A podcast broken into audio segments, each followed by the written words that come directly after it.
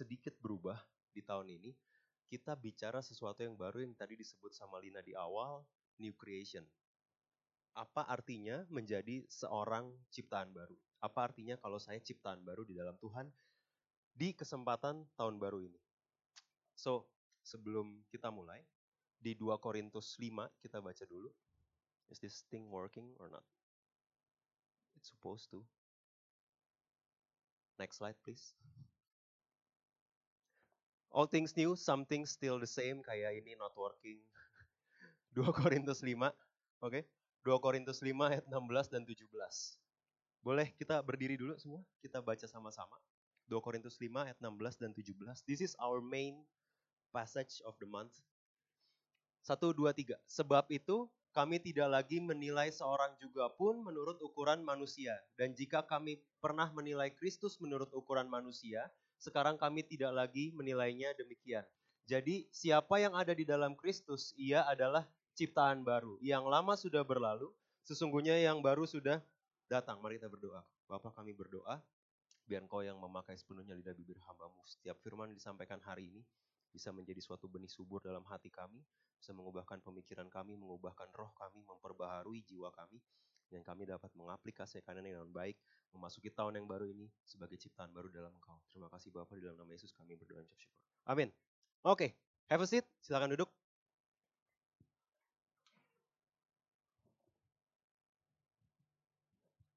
Hai Gian, the only toddler sekarang juara lucu hari ini karena nggak ada yang lain lagi.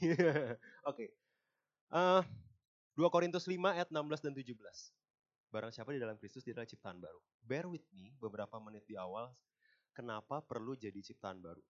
Why is it very important buat kita memahami kenapa sih kalau saya ciptaan baru, so what? Apa yang berubah emangnya? To give you the background, as I told you, some things not new, like this video. Oke, okay, ciptaan baru, heaven.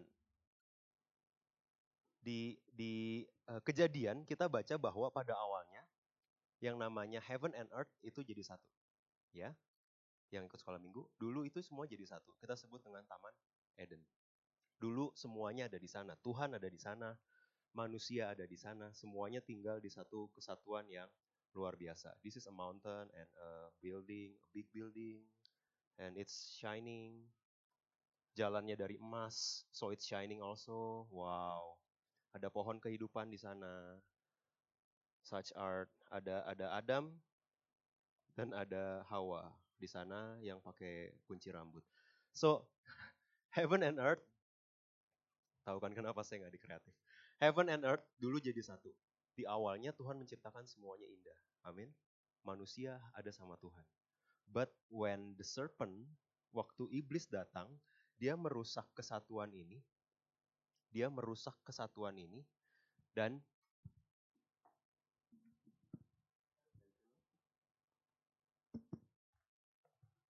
copot sebentar.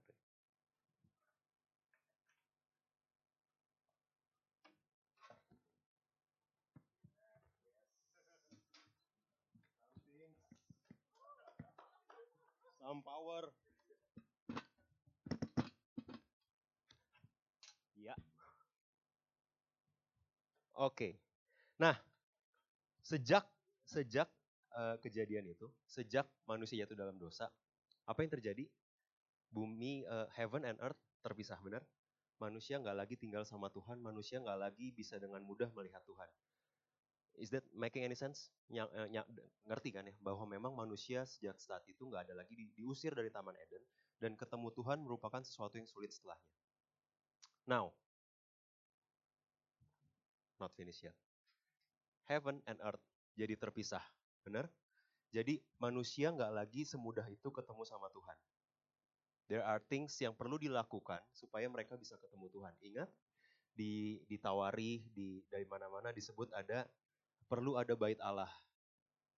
Di mana di situ untuk manusia yang setelah jatuh dalam dosa ini jadi isinya sin, ugliness, Makanya nggak bisa bersatu sama heaven atau Tuhan, hadirat Tuhan yang isinya love, justice, so on and so forth. nggak lagi bersatu. Tapi Tuhan kasih cara dengan adanya temple, dengan adanya sacrifice, maka sacrifice seekor domba bisa membuat seseorang itu masuk ke dalam hadirat Tuhan. Ingat ceritanya? Jadi yang namanya orang waktu itu kenapa bawa kambing, bawa domba ke bait Allah supaya bisa dipotong dalam artian dosanya pindah ke domba yang mati supaya dia jadi bersih dan bisa ke ketemu sama Tuhan. This thing berubah ketika ada siapa? Ketika someone yang namanya Yesus datang ke dunia. Dia secara menarik nggak stay di bait di bait Allah. Dia bergaul sama orang berdosa. What's up, man? Di sini. Hai, apa kabar? Lagi sakit yuk sembuhin di sini.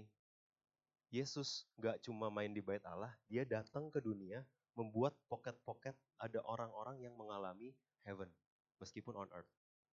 Nangkep? Sejauh ini masih oke? Okay? Jadi waktu Yesus mati, dia membuat, hey sekarang kamu gak perlu lagi ke bait Allah, ke Israel dan lain sebagainya. Gak perlu siapin domba setiap jam 9 pagi sebelum ke gereja, no. Karena kamu punya Yesus. The moment Jesus is with you, the moment Jesus ada di dalam kamu, kamu bisa berhubungan sama Bapak. Karena kamu punya akses sekarang. Sejauh ini oke? Okay? Now, yang menjadi ciptaan baru adalah orang-orang yang sudah menerima Yesus. Amin. Di sini sudah menerima Yesus? Ada yang belum menerima Yesus sebagai Tuhan dan Juru Selamat?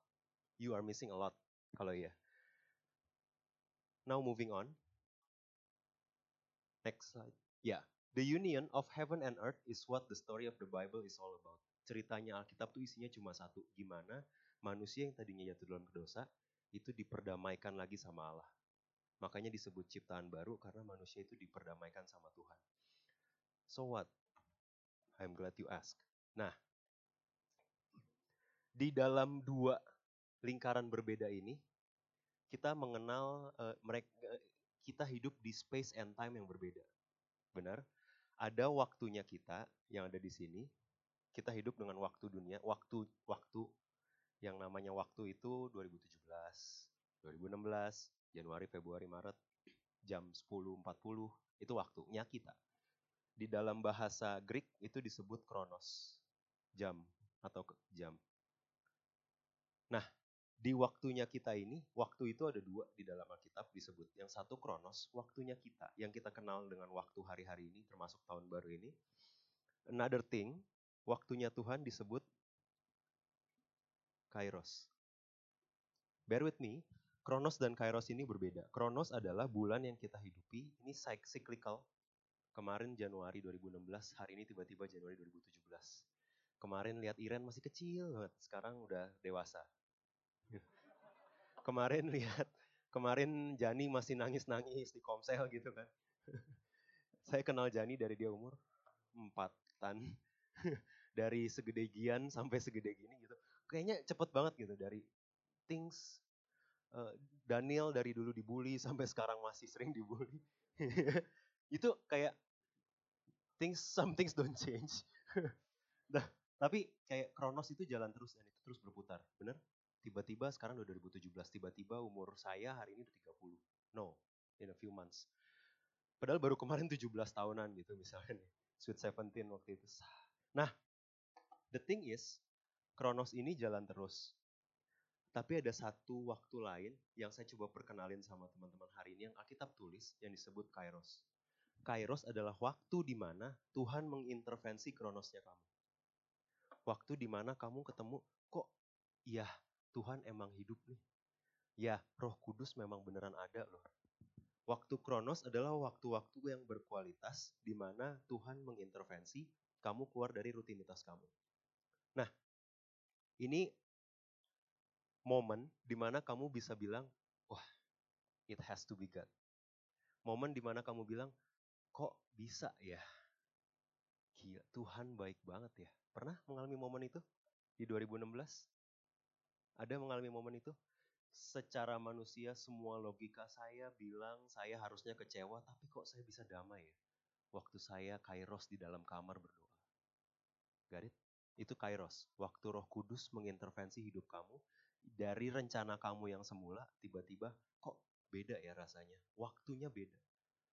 Dua menit saya berdoa pagi ini mengubah uh, 23 jam saya hidup setelahnya. Some of us mungkin nggak pernah ngalamin itu karena kita nggak punya waktu khusus untuk berdoa di pagi hari. But Kairos adalah cerita tentang gimana Roh Kudus, kamu mengizinkan Roh Kudus bekerja baik di ibadah maupun di luar ibadah, maupun di kantor, maupun di kampus, maupun di kelas, maupun di tempat les, maupun di atas Gojek. Itu momen di mana kamu bilang, hey, this is God moment. Ada sesuatu yang saya alami, slash ada sesuatu yang harus saya lakukan buat orang lain. Nangkep? Nangkep? Cerita ini paling gampang kamu dengar waktu ada orang Samaria. Masih ingat ceritanya? Ada orang yang digebukin, ada orang yang dirampok, dan ada seorang leaders, ada seorang pendeta yang lewat di sampingnya karena dia kronos, sibuk. Hmm, sorry, udah mau mulai ibadah jam 10, sekarang udah jam 10 kurang 5. Biar yang lain aja yang nolongin ya gitu kan. Eh, ada, tapi ada seorang Samaria yang dia sendiri punya urusan, dia sendiri punya kepentingan, dia sendiri dikucilkan sama orang-orang itu orang Samaria itu dimusuhin. Tapi dia keluar dari rutinitasnya dan dia bantu orang. Dan Yesus bilang mengasihi sesama itu harus di momen-momen kayak gini. Di momen-momen kairos dalam hidupmu. Now, kairos dan kronos. That's why di Mazmur ada ditulis gini. Sebab lebih baik apa? Satu hari di pelataranmu daripada seribu hari di tempat lain. Lebih baik berdiri di ambang pintu rumah Allahku daripada diam di kemah-kemah orang fasik. Now this makes sense, right? Dia lagi bilang lebih baik satu menit saya ngalamin Tuhan pribadi daripada saya berusaha nyari Tuhan di luar sana, berusaha pelayanan yang capek tapi nggak ngalamin Tuhan. Got it? Lebih baik dua menit I say thanks to my mom, I say sorry to my dad daripada saya susah payah berusaha menyenangkan dan menghindari mereka di Chronos Time. I'll go deeper. Bicara soal Kronos sama Kairos ada dua jenis. Ada dua ada dua jenis Kronos dan Kairos yang akan kita go through hari ini. Yang pertama adalah pasif Kronos life, oke? Okay? Jadi orang yang hidupnya hanya melihat jam dunia saja, itu ada dua jenis. Yang ke satu, mereka yang hidupnya pasif. Ini adalah tipe orang yang paling bahaya. Atau kita sebut dengan nama procrastinator. Orang yang suka mengundur-ngundur.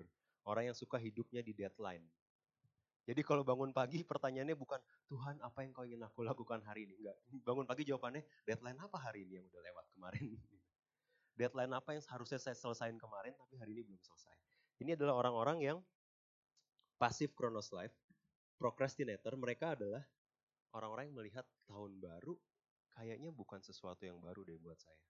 Udah belasan tahun saya bikin resolusi, tapi nggak ada yang kejadian juga. Mungkin memang saya gini orangnya. Untung Yesus mengasihi saya apa adanya. Jadi saya nggak perlu ngerubah apa-apa. Ini adalah orang-orang yang bahaya karena mereka ini sebenarnya disebut dalam Alkitab orang-orang yang malas.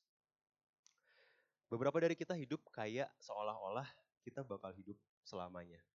Di di Efesus 5 dibilang kayak gini, perhatikanlah dengan seksama bagaimana kamu hidup. Jangan seperti orang bebal, tapi seperti orang arif. Dan pergunakanlah apa? Waktu yang ada, karena hari-hari ini adalah jahat. Ayat ini lagi bilang, hey, kalau kamu nggak mempergunakan waktumu secara intensional, kronos kamu terbatas. Ini yang kita nggak sadarkan nih kita merasa oh saya masih 16 itu yang yang khotbah di depan udah 30 mungkin dia udah lebih dekat ke kronos akhir akhir kronosnya gitu. Saya masih jauh gitu kan. Hey yang yang kita nggak sadar adalah pergunakan waktu yang ada. Masalahnya bukan kronos kamu masih banyak apa enggak? Saya ulang masalahnya bukan sisa hidup kamu masih banyak apa enggak. Masalahnya berapa banyak yang kamu habiskan mengalami dan menjadi berkat buat orang lain. Halo. Sih pergunakanlah waktu yang ada karena hari-hari adalah jahat. Nah, di satu studi di Wall Street Journal di US ini 2014 dan saya lihat ini mulai catch up di Indonesia hari-hari ini.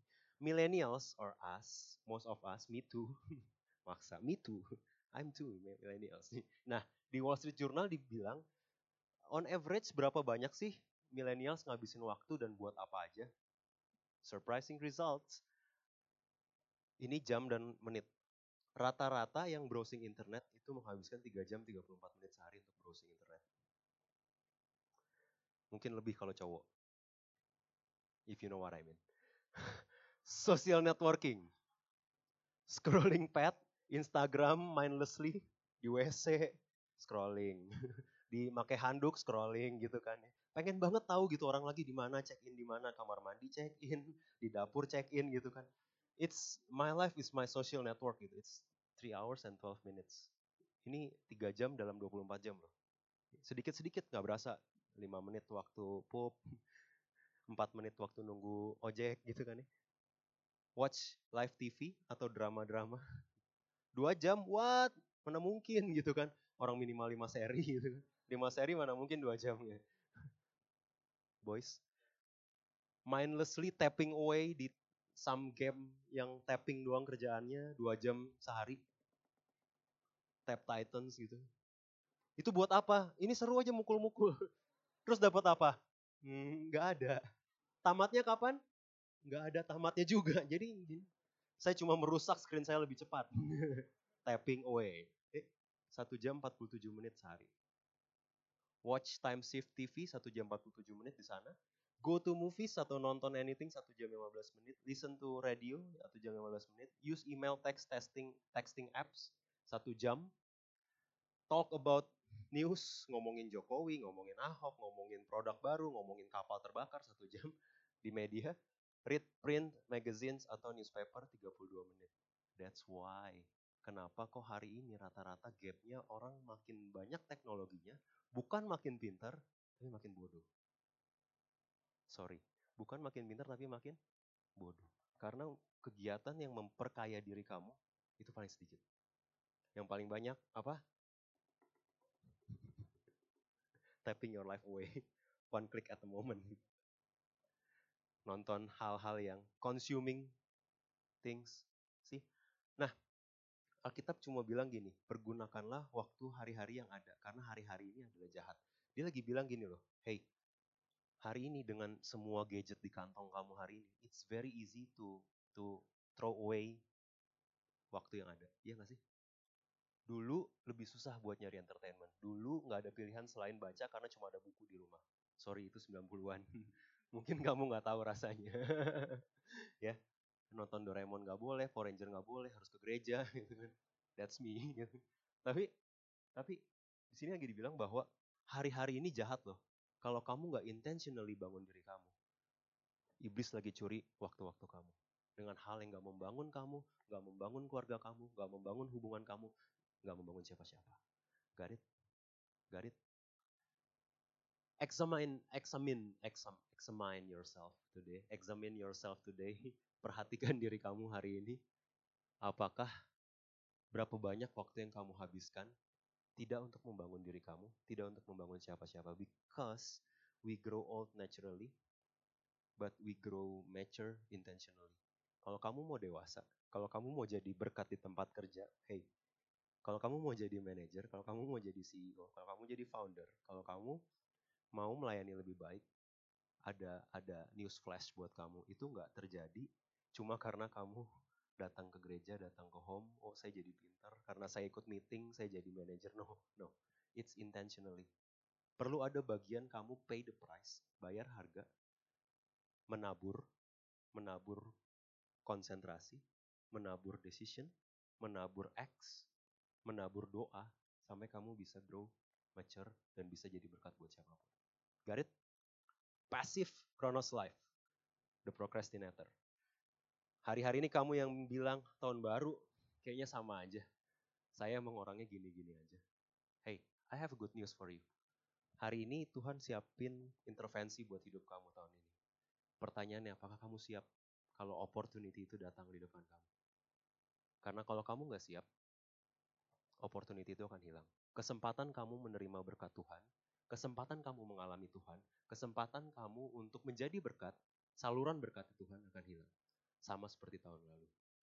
It's your chance, procrastinators, bahwa hari ini Tuhan mau intervensi kehidupan kamu tahun ini.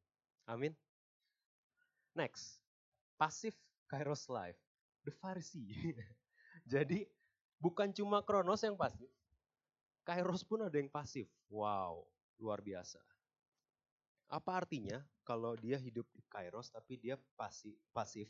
Ini artinya orang-orang yang tahu semua janji Tuhan, orang-orang yang rajin ibadah, orang-orang yang kalau doa nomor satu, tapi hidupnya cuma menunggu janji Tuhan. Kan dia ayat hafalannya apa? Orang-orang yang pasif ini, oh barang siapa yang menanti-nantikan Tuhan akan mendapat kekuatan baru. Kekuatannya buat apa? Menanti-nantikan lagi. Dikuatkan lagi buat apa? Menanti-nantikan Tuhan lagi. Sumur hidupnya dihabiskan untuk menanti-nantikan Tuhan. Tuhan bilang apa? Nanti ya. Nanti aja ya buat. Karena kita didesain bukan cuma untuk nungguin Tuhan mau ngapain. Kalau kerjaan kamu udah selesai, kamu udah gak di sini. Kalau kamu hidup bangun masih bangun pagi masih bernafas, masih ada grup lain pelayanan, masih ada grup lain kantor, masih ada teman-teman yang butuh suara, butuh telinga kamu, kamu masih punya purpose. Dan the moment kamu jadi pasif dan kamu cuma bilang, yang penting waktunya Tuhan. Mujizat Tuhan terjadi. 2017 adalah waktu, adalah tahun something something. Artinya pintu terbuka. Artinya 2017 pintu pintu mujizat terbuka buat kita semua. Hei. Pintu mujizat terbuka dari kamu menerima Tuhan. Pertanyaannya, apakah kamu pasif atau aktif? Karena Yakobus 2 ayat 26 lagi bilang, sebab seperti tubuh tanpa roh adalah mati, demikian juga iman tanpa apa? Perbuatan adalah mati. Hei, Yakobus 2 ayat 26 lagi bilang, iman tanpa perbuatan adalah mati.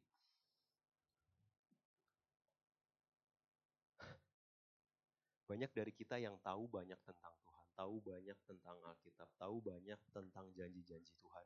Dan kita memilih untuk, oh ya, yang ayat hafalan saya adalah Yeremia 29 ayat 11.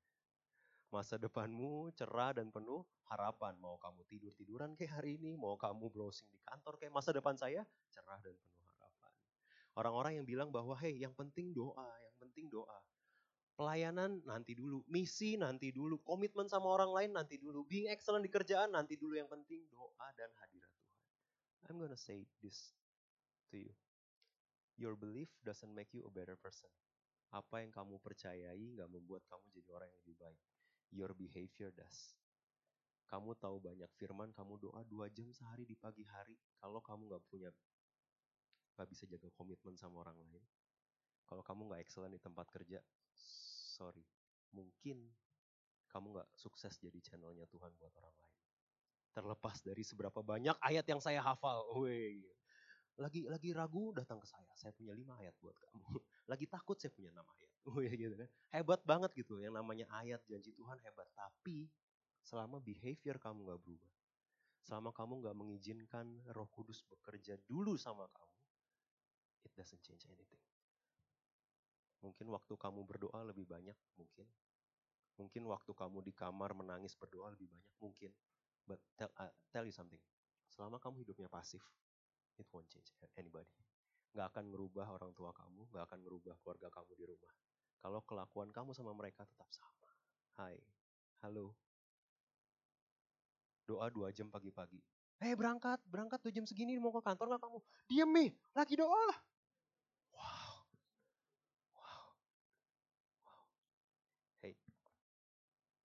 your behavior itu yang jadi surat buat orang lain. Not your belief. Wih ngalamin hadirat Tuhan banget kemarin. Di mana? Di kantor. Hah? Jam berapa? Jam 2 sampai jam 4. Bah, geter di kamar mandi. Roh Kudus melawat saya. Iya, iya, iya, iya, iya. Ya. Terus meeting kamu? Ya nggak ikut. Yang penting Roh Kudus. Hey, saya nggak lagi mendiskreditkan kamu cari Tuhan. It's very important. Kamu mau dapat kairos, cari Tuhan. My point is your behavior, your commitment itu yang jadi berkat buat orang lain. Dan tujuan Tuhan apa sih buat kamu? Jadikan semua bangsa muridku. Ingat, amanat agungnya Tuhan bukan carilah aku dan kamu akan mengalami lawatan luar biasa. Terus dia terangkat. Enggak kan? Bukan itu kan? Itu bukan purpose-nya kan? Purpose-nya apa ketika dibilang jadikan semua bangsa muridku. Unless kamu intentionally di bus kamu lihat sebelah kamu kayaknya dia lagi kesulitan. That is Kairos moment. Will you bilang, hey, ada yang bisa saya bantu? Hey, are you okay? Mau ke mana? Unless kamu ngomong kayak gitu, you're missing it. Those kairos moments. Karena kamu pasif. Saya percaya Jakarta akan dilawat Tuhan. Janji Tuhan, mintalah maka ujung bumi diberikan sebagai pusaka. Oh, didoain setiap hari, didoain setiap hari. Tapi setiap ketemu uh, ojek di jalan, setiap naik bus, setiap naik uh, taksi, nggak pernah nyapa, pasang MP3 sermon. Pas masnya nanya, lewat mana ya pak? Oh kan lihat itu petanya ada gitu kan. Lagi denger khotbah nih gitu. Seneng banget serius. Hey, your belief nggak memberkati mereka loh. Saya kasih tahu lagi. Apa yang kamu percayai nggak jadi berkat buat orang. Apa yang kamu lakukan. Your behavior, your sacrifice. Ketika kamu kasih 50 ribu lebih banyak dengan kamu nggak minum kopi hari ini. Oke, okay, hari ini saya mungkin kopi saset aja, tapi this money I will give away. That is Kairos moment. Waktu behavior kamu bilang Tuhan berkati ya Pak, selamat tahun baru. Kairos moment. Kamu mengizinkan diri kamu jadi berkat di tengah kronos. Got it? So, tahun ini jumlah bulannya bakal sama, 12 bulan. Jumlah jamnya bakal sama. Pertanyaannya, are you ready for this Kairos moment? Panggilan buat kamu jadi partnernya Tuhan, bukan jadi farisi doang. Halo. Next, masih semangat? Next, aktif Kronos Life. Woi, the professional. Ada yang tipe keempat, aktif di waktu-waktu yang kronos. Ada satu cerita yang luar biasa. Ketika uh, Lukas 10 ayat 38 bilang gini. Ketika Yesus dan murid-muridnya dalam perjalanan, tibalah ia di sebuah kampung. Seorang perempuan yang bernama Marta menerima dia di rumahnya. Perempuan itu mempunyai seorang saudara yang bernama Maria, Marialin. Maria ini duduk dekat kaki Tuhan dan terus mendengarkan perkataannya. Duduk dekat kaki Tuhan dan terus mendengarkan perkataannya. Next. Sedang Marta sibuk sekali apa? Melayani siapa? Melayani Yesus. Ouch. Sibuk sekali melayani Yesus. Ia mendekati Yesus dan berkata, Tuhan, tidakkah engkau peduli Saudaraku membiarkan aku melayani seorang diri. Suruhlah dia membantu aku. Tetapi Tuhan menjawabnya, Marta, Marta, engkau khawatir dan menyusahkan diri dengan banyak perkara. Tetapi hanya satu saja yang perlu, Maria telah memilih bagian yang terbaik. Yaitu tidak akan diambil dari padanya. Kadang-kadang sibuk itu bagus. Kadang-kadang being very productive for me it's good. But at some moment yang Tuhan perlu, kamu duduk di kaki Tuhan dan dengerin dia maunya apa sama kamu. Dan ini nggak akan terjadi kalau sehari jam kamu udah habis. Pagi saya harus ini, siang saya harus ini, kemudian saya harus ini. Garit? Di sini Marta lagi dibilang sama Tuhan, hey pelayanan itu baik gak? Baik, karena dibilang apa? Engkau khawatir dan menyusahkan diri dengan banyak perkara. Tetapi satu yang perlu Maria memilih bagian yang terbaik. Hey, Tuhan acknowledge loh bahwa yang dilakukan Marta ini baik. Cuma satu hal, ada yang terbaik. Ketika kamu nggak cuma sibuk di Kronos, tapi kamu actively apa yang bisa, apa yang Tuhan ingin saya lakukan hari ini. That is active life. Yang benar. Garit? Kalau kamu cuma aktif di Kronos, orang-orang yang aktif di Kronos itu orang-orang yang cram so much into their lives, hidup saya harus sukses, hidup saya harus berhasil, to the to the point that mereka nggak lagi aware sama keadaan ini di sekitar mereka. Ingat cerita yang pertama saya sebut tadi, orang Samaria? Ingat orang-orang itu, the the Imam Lewi dan Imam besar, those are leaders yang sukses, but waktu mereka udah habis. Mereka sangat-sangat apa? Sangat apa? Profesional profesional Christian. Oh, kerjaannya excellent di kantor, excellent di gereja. Oh, excellent di kantor, excellent di gereja, excellent di rumah, excellent di pacaran. Woi, gitu. Semua sesuatu yang saya sentuh excellent. Wow, wow, wow. Tapi Tuhan bilang apa? Maria memilih bagian yang terbaik. Ketika dia nggak cuma sibuk untuk Tuhan, tapi sibuk dengan Tuhan. leaders di tempat ini, hari ini kamu sibuk untuk Tuhan atau sibuk dengan Tuhan? Kalau kamu sibuk untuk Tuhan, Tuhan lagi bilang you might miss the best thing yang sebenarnya disediain buat kamu. Sibuk untuk Tuhan, sibuk untuk melayani, sibuk untuk kerja, sibuk untuk excellent. Hey, you might miss something. Karena yang Tuhan mau sibuk dengan Tuhan. Bukan cuma sibuk untuk Tuhan. Got it? Belajar sesuatu, volunteers, leaders hari ini yang kehabisan waktu. Ayat ini lagi bilang, orang-orang yang profesional ini building things my way. My, my time tops everything. Tapi orang-orang yang profesional ini punya purpose gak dalam hidupnya? Punya. Mereka tahu Tuhan panggil mereka untuk melakukan sesuatu. Mereka tahu, tahu benar. Masalah utamanya adalah definisi purpose-nya kita sama Tuhan beda. Kita bisa mengira-ngira panggilan Tuhan, tapi yang tahu sebenarnya siapa? Cuma Tuhan. That's why kalau nggak ada lagi celah dalam hidupmu untuk mendengar Tuhan, untuk ambil keputusan yang nggak kamu plan, untuk memberi lebih dari yang oh Iya, saya udah punya planning, misalkan orang yang aktif, profesional dong, profesional Christian. Oh, udah gaji masuk jam 3 lewat 5, 3 lewat 6 perpuluhan. Wih, profesional. Beda dong ya. Jadi, hey, orang-orang yang ini, yang profesionalnya, ayatnya lagi bilang kayak gini, kadang-kadang apa yang kamu plan, itu nggak selalu yang terbaik. Kadang-kadang Tuhan intervensi dan bilang, beri lebih. Kadang-kadang Tuhan intervensi dan bilang, stop, duduk prayer meeting aja, nggak usah ngapa-ngapain. Apakah kita punya hati dan punya telinga untuk mendengar atau tidak? That's the question. Atau kita terlalu sibuk sama semua komitmen kita, punya komitmen sama hubungan, punya komitmen sama kerjaan, dan kita kehabisan waktu untuk mendengarkan apa yang Tuhan mau. Got it?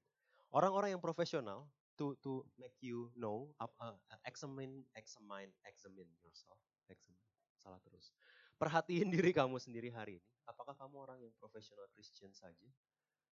Cara gini. Tahun baru. Apakah kamu melihat tahun baru dan ngeset tahun baru untuk resolusi yang untuk dirimu saja atau tidak? That's the key. Kalau semua yang kamu set target goals tahun ini untuk dirimu sendiri, hati-hati. Meskipun kamu percaya Tuhan, mungkin kamu terjebak sebagai profesional Kristen. Contoh, yang namanya new creation, ciptaan baru harus sukses dong, harus excellent di mana-mana. Harus apa? Sexy, healthy, pretty, witty, pinter, wealthy gitu kan. Wah, semua yang TT itu kan. Sexy, healthy, pretty, witty, pinter, cerdas kalau ngomong, weh, ngomong sedikit lucu ketawa semua, weh gila Christian gitu kan. Terus wealthy, kaya. Kalau hari ini isi goal kamu di 2017 cuma penghasilan XX lebih besar dari tahun lalu, eh, berat badan XX turun dari tahun lalu. kalau kalau targetmu tahun ini isinya cuma saya harus lebih ini, keluarga saya harus lebih ini, pelayanan saya harus lebih ini. Careful. The only wrong things dari itu semua ada di saya. Karena kita dipanggil bukan untuk diri kita sendiri, tapi buat berpartner sama Tuhan. How do you know apa yang Tuhan mau? Kalau setahun ini goal kamu cuma untuk saya, saya, saya, saya, saya. Got it? Coba cek yang punya resolusi tahunan tahun ini. Apakah isinya lebih banyak? Harus lebih, harus nambah followers sekian.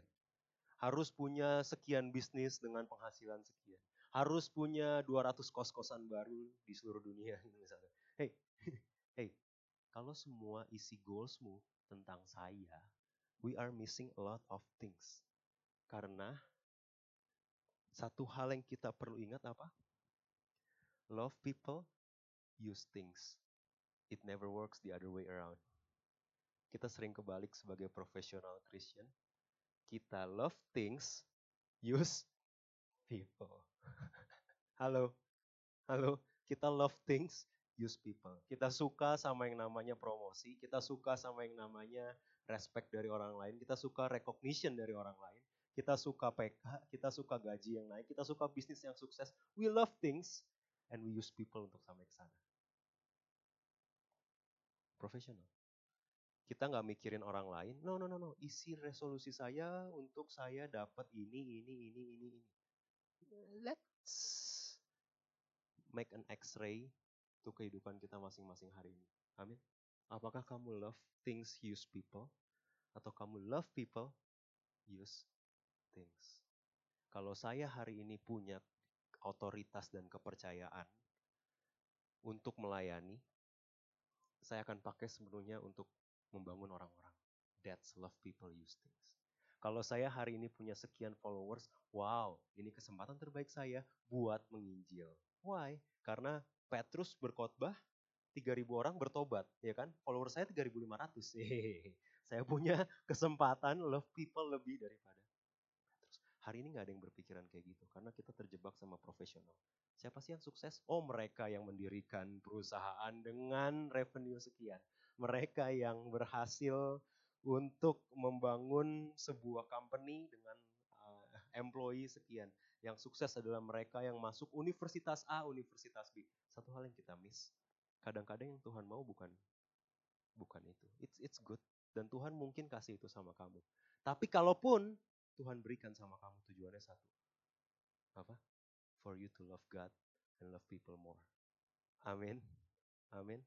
Coba cek hari ini, jangan lihat dari penghasil, jangan bandingin hari ini sama penghasilan kamu di 2016. Jangan bandingin hari ini sama di aset kamu 2016. Bandingin hati kamu hari ini. Apakah saya lebih mudah mengampuni daripada tahun lalu? That's the real Christian. Apakah saya lebih mudah sacrifice daripada tahun lalu? Apakah saya lebih generous?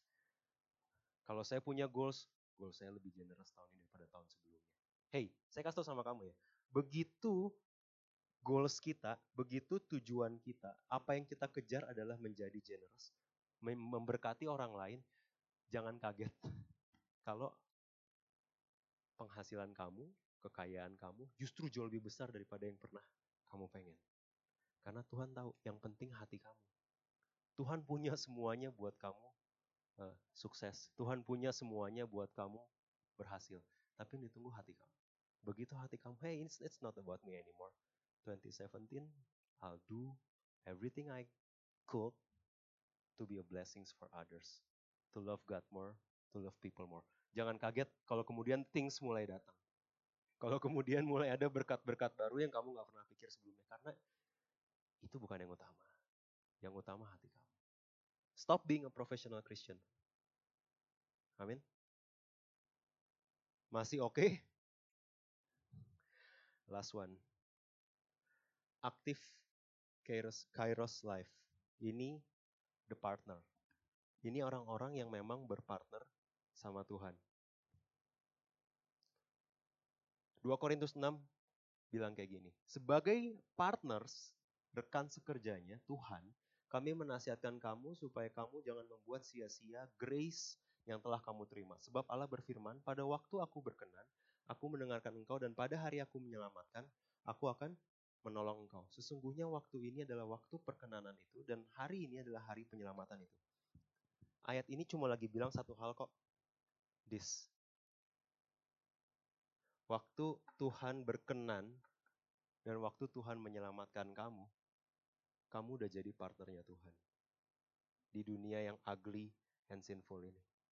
Halo, kamu jadi partnernya Tuhan. Caranya teman-teman kamu lihat Tuhan, caranya keluarga kamu lihat Tuhan melalui kamu. Garit, masalahnya Kronos ini mudah dicuri sama iblis. Begitu waktu kita dicuri, hey kita dalam self destruction mode. Dia nggak perlu kasih banyak hal, banyak godaan, kamu udah hancur dengan sendirinya. Ya gak? Begitu dia berhasil curi waktu kamu, kamu self destruction.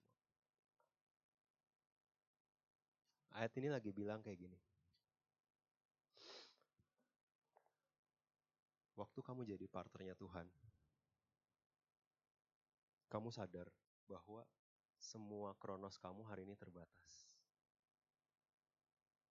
Semua kronos kamu terbatas. Kamu jomblo iya, tapi itu terbatas waktunya. Dan ada rencana Tuhan yang harus kamu lakukan di situ. Iblis akan menggoda kamu dan bilang, hey, kapan nih kamu berhenti dari singleness ini? Ya kan? ah, mana nih semua teman kamu udah nikah, udah punya anak, gendong anak dua, anaknya udah mau punya anak lagi gitu. Tapi kamu masih single, what gitu kan. Hey, itu yang iblis lempar sama kamu loh. Serius, serius. Karena Tuhan punya tujuan kamu single. Halo, Tuhan punya purpose yang kamu bisa kerjain cuma kalau kamu single. But you miss that. Karena kamu lihat semua sosial media yang bilang, eh kapan lu, kapan lu, mati lu gitu. Eh, eh, eh, iya kan? Iya kan? Iya kan? Sementara Tuhan lagi bilang, hey, singleness is your best time to grow. Karena uang kamu nggak habis buat XXI, uang kamu nggak habis buat coffee shop, you have the resources to build yourself. But you, we miss that karena iblis lagi nyerang. Dating. Waktu dating terbatas, bener gak? Bukan saya nggak ngomong dalam mingguan. Waktu dating terbatas. Dari awal kamu say yes, aku juga sayang sama kamu. sampai hari di mana kamu, mendingan kita udahan aja. Atau sampai hari di mana kamu bilang, yes I do, kita menikah. Itu terbatas, ya kan? Iblis akan pakai segala cara buat dating kamu gak efektif supaya nggak ada kairos di dating kamu. Caranya gimana? Pegang sana, pegang sini, cium sana, cium sini, gitu kan. Sementara waktu kamu untuk mengenal dia cuma segini loh. Ya, either kamu putus atau kamu nikah. Waktu kamu cuma segini. Tapi kamu menghabiskan semua waktu untuk pegang-pegang yang nggak penting. Untuk duduk kayak di metro mini gitu kan ya. Pakai kursi satu aja, kursinya berdua. Sah gitu kan. Mangkok berdua, kursi berdua, teh botol berdua gitu. Semua berdua. Entah nggak punya uang atau mesra nggak tahu juga sih. Tapi tapi intinya gini. Hey hey hey. Waktu dating kamu terbatas. Waktu kamu untuk mengenal dia cuma segini.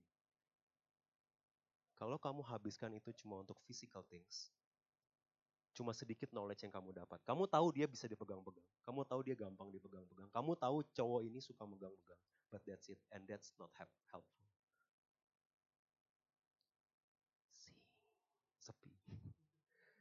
Because because waktu dating adalah the best time buat kamu dik dia.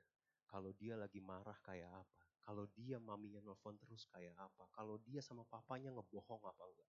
That's cuma waktunya cuma segini buat kamu tahu. Habis itu kamu hidup sama dia sampai mau memisahkan. It's one way ticket. Jadi di waktu-waktu itu, di kronos yang terbatas itu, jangan sampai kamu miss those kairos moment karena iblis mencurinya. Got it? Nganggur, same thing. Waktu nganggur terbatas. Bekerja, same thing. Waktu kamu bekerja terbatas. Apakah kamu puas cuma dengan jadi uh, employee yang disuruh-suruh? Atau kamu mau, hey, kalau kalau saya mau jadi berkat di tempat kerja, saya harus mulai ngerjain apa yang bos saya kerjain. Saya ulang, kalau saya mau jadi berkat di tempat kerja ini, saya harus mulai punya tanggung jawab yang at least sama-sama bos saya. Saya mulai mikirin apa yang jadi pemikiran dia. Saya mulai coba mengerti keputusan-keputusan yang perlu diambil. That's the way kamu jadi berkat. Oh, ini anak nggak cuma nunggu disuruh baru ngerjain. Ini anak tahu. That's the way. Sih, jadi semua kronos kita terbatas. Satu hal yang saya pelajari kemarin. Semua kronos kita terbatas. Satu hal yang paling penting yang saya perlu kasih tahu sama kamu. Setelah kemarin mengalami uh, oma saya sakit dan masuk ICU dan dan dan hari ini udah keluar udah pindah ke kamar biasa. Dan satu lagi yang saya pelajari ketika kemarin saya nonton cek toko sebelah, it's a very good movie. Kalau kamu berasa Cina, kamu harus nonton. Kok rasis ya? Enggak, enggak, enggak.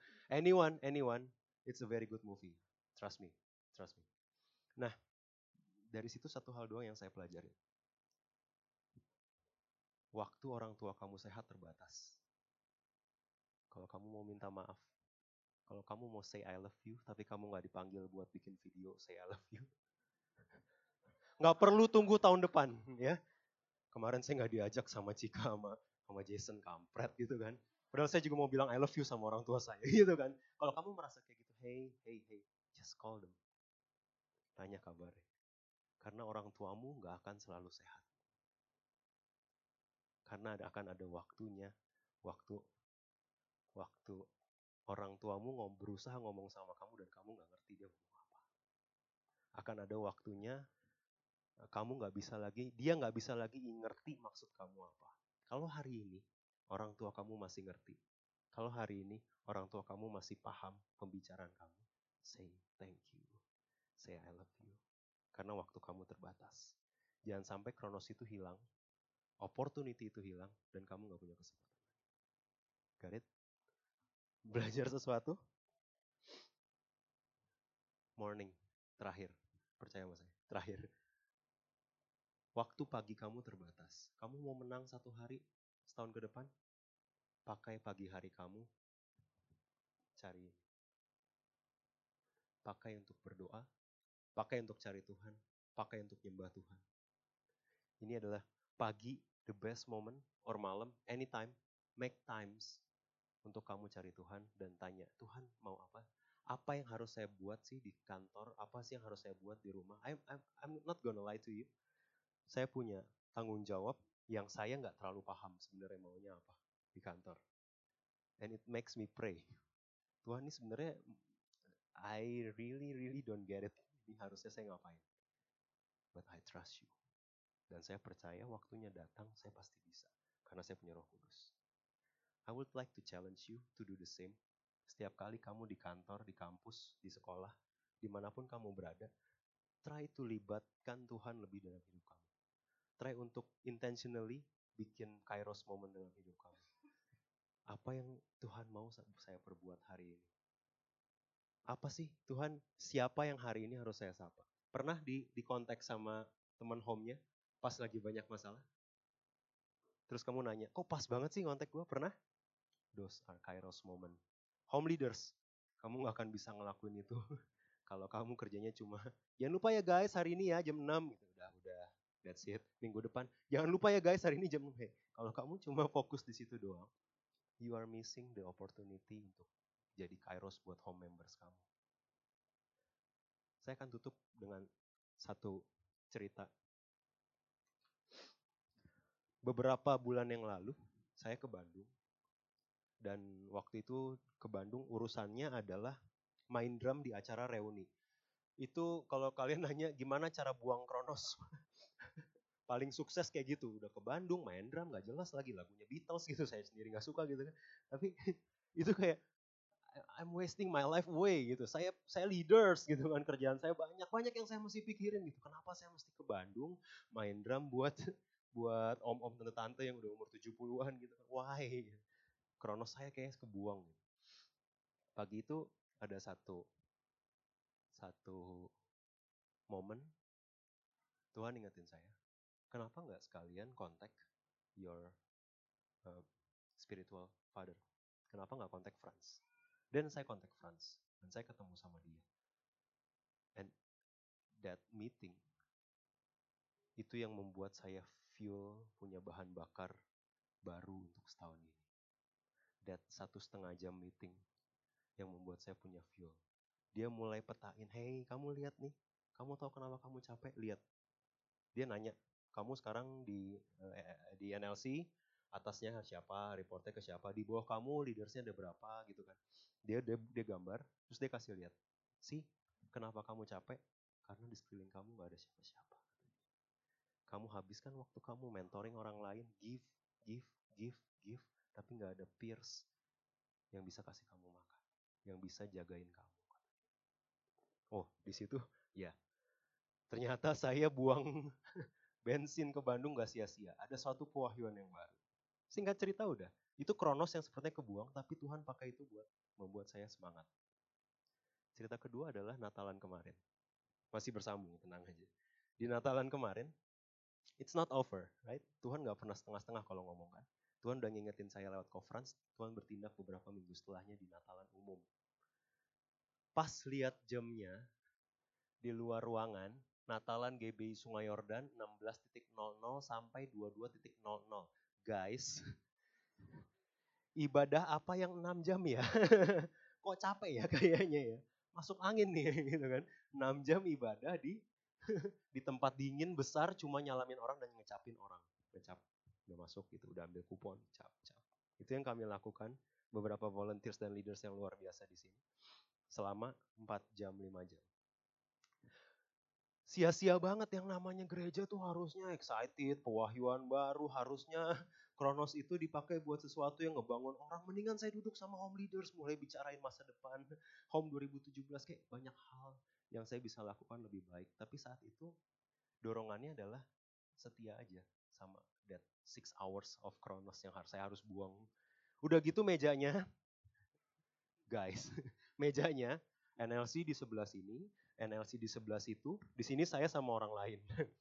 Gak bisa ngobrol gitu kan ya. Yang lain si si uh, Jani, Yoyo sama Ken sama Erik, ih ketawa-tawa, ini dong ini dong ngobrol gitu kan. Sebelah sana saya nengok Ken sama Colin sama Ko Robert sama Cilisa, you know Cilisa, Cilinda ya kan. Saya dapat roti. Nih, ini roti buat meja kita, woi gitu kan. Saya makan roti. Pas saya nengok ke meja mereka, ini ayam. Oke, oke. Saya bukan NLC lagi gitu kan. Ya, tapi di Kronos itu, di empat jam itu, saya iya saya ngerasa buang-buang waktu, iya saya ngerasa ini buat apa sih sebenarnya saya ngelayanin kayak gini. Nggak efektif banget buat saya siapa yang saya berkatin. Ada yang dicap tangannya sama saya terus, oh, saya terima Tuhan kok gara-gara kok cap tangan saya. Nggak ada itu, nggak ada. Saya pengen ada yang kayak gitu, nggak ada. Nggak ada. But that night saya ketemu sama satu orang yang saya udah lama gak ketemu. Namanya Reza. Dia leaders di Roxy. Dan dia mulai bicara sama saya, eh gimana lu sekarang gimana kerjanya? Terus dia mulai bicara kayak gini. Uh, lu berusaha, uh, lu ke depannya mau gimana? Mau coba bikin bisnis gak? Kepikiran sih, tapi saya bilang. Tapi saya nggak punya experience untuk build up new business. Saya bilang kayak gitu. Yang saya punya experience, how to run bisnis yang udah ada. Ya saya punya experience karena ke tempat sekarang dan tempat sebelumnya kan. Gimana supaya things run effectively itu saya bisa. Tapi kalau startup dari mulai untuk kenal sama orang, key partners, networking, that stuff, I'm, saya nggak terlalu punya experience saya bilang. Satu hal yang dia bilang, yang saya nggak punya, yang kamu punya. Dan yang kamu nggak punya, yang saya punya. Saya punya experience-nya, tapi saya nggak tahu how to run business. So why don't we have a coffee talk? Dan waktu saya kemarin ngobrol sama dia, selesai. Ini senangnya saya sama Ingat, conference ngomong apa? Di sekeliling kamu nggak ada peers yang bisa menjagain kamu. Dan waktu saya ngobrol sama dia, we are switching gears. Habis ngomongin sedikit konsep-konsep, we are switching gears. Gimana jadi di, di NLC, gimana di Roxy. Satu hal yang dia bilang kayak gini, iya, kita lagi ada kegerakan, kata dia. Beberapa leaders GBI yang udah ditendang karena rebels, karena mereka eh, nggak uh, berhasil transisinya, ada 4-5 orang leaders GBI dan mereka uh, concernnya cuma satu, lima-limanya punya empat lima orang ini punya kesamaan, mereka nggak dikasih makan dari atas. Mereka harus cari makan sendiri dan mereka harus lead jemaat karena dijorokin. Terus dia cuma bilang kayak gini, why don't we meet up sometimes? Sekian orang ini, beberapa masih ngelayanin di gerejanya, dikasih kesempatan, tapi most udah uh, bikin seminar dan pelatihan di luar untuk leaders, tapi nggak lagi ada di suatu gereja tertentu. Dia cuma bilang kayak gini, pemikiran kami, mereka, saya nggak ngomong apa-apa sama dia, pemikiran kami yang sama cuma satu, kata dia. Tahu nggak apa? Buat kita, gereja yang relevan, bukan menyerap apa yang dunia nyanyikan, dibawa masuk ke gereja definisi relevannya kami nggak cuma sampai situ kata kesamaan mereka. Definisi relevannya kami apa yang kita alami sama Tuhan di gereja itu kita bawa keluar. Mau lagunya ini kayak lagunya itu kayak apa yang saya alami hadirat yang saya alami itu yang saya bawa keluar. Itu definisi relevan. Dan saya cuma bilang kayak gini kayaknya cocok deh sama saya. Saya bilang kayak gitu ya. Kayaknya saya cuma bilang, hey, let's meet up. let's meet up. Saya pulang dari situ cuma berpikir satu.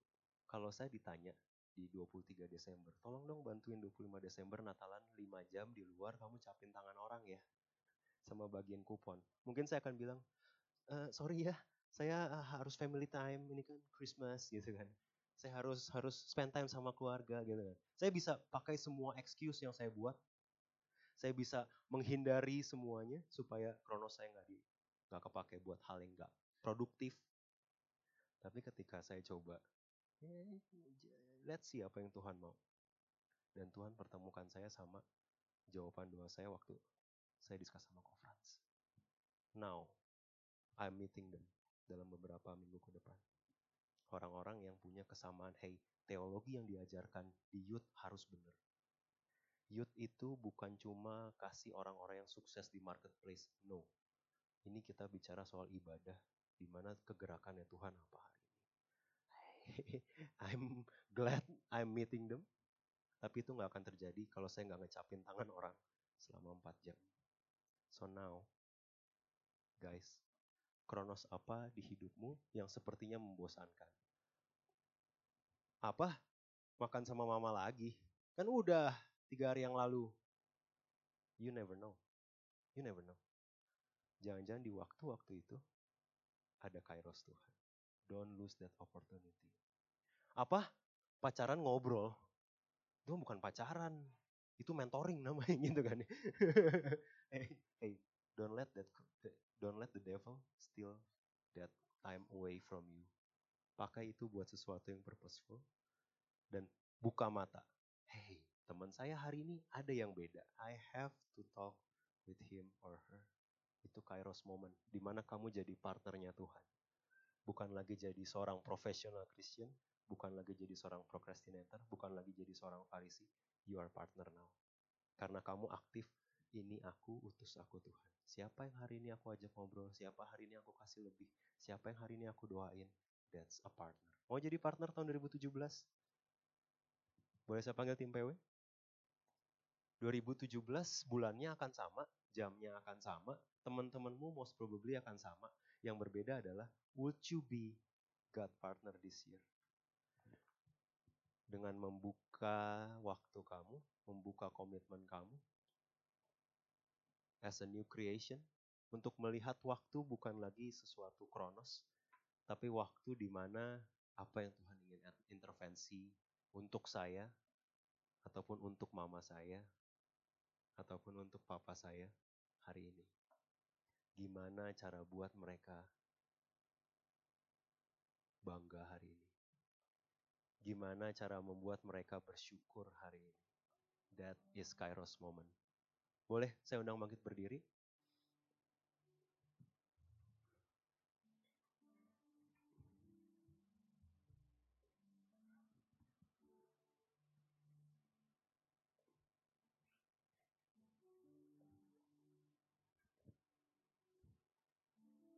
Kita ambil sikap doa, kita akan berdoa. Kita akan kembali menyembah Tuhan.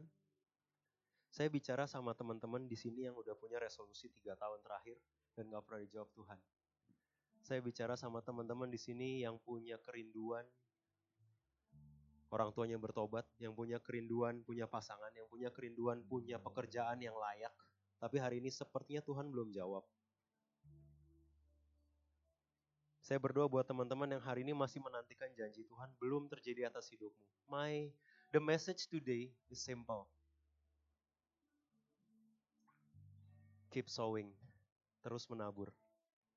Terus menabur di kronos kamu yang terbatas. Jangan pernah ditipu sama iblis dan berpikir, oh besok kalau saya udah punya penghasilan sekian, everything will be better. Oh besok kalau saya udah punya pasangan, everything will be better. Oh besok kalau orang tua saya bertobat, kalau kakak saya berubah, kalau adik saya berubah, everything will be better. It's not. Kadang karena ada janji Tuhan, ada rencana Tuhan hari ini dengan kondisi ini. Apakah kamu bisa setia? Apakah kita bisa berkata, hey Tuhan ini aku, utus aku. Saya nggak perlu tunggu orang tua saya bertobat untuk saya bilang terima kasih. Saya nggak perlu tunggu orang tua saya bertobat untuk berdoa buat mereka. Saya nggak perlu tunggu pasangan hidup untuk saya mulai memperbaiki diri saya. Saya nggak perlu tunggu penghasilan lebih untuk mulai memberi. That is your decision this year. Karena hidup saya berhenti saya jalani untuk diri saya sendiri lagi. Resolusi saya bukan lagi untuk diri saya sendiri, tapi untuk apa yang Tuhan mau saya kerjakan tahun ini. So let's kita menyembah Tuhan, kita masuk tahun ini dengan suatu perspektif baru, dengan suatu pemikiran baru, untuk melakukan bagian kita sebagai rekannya Tuhan.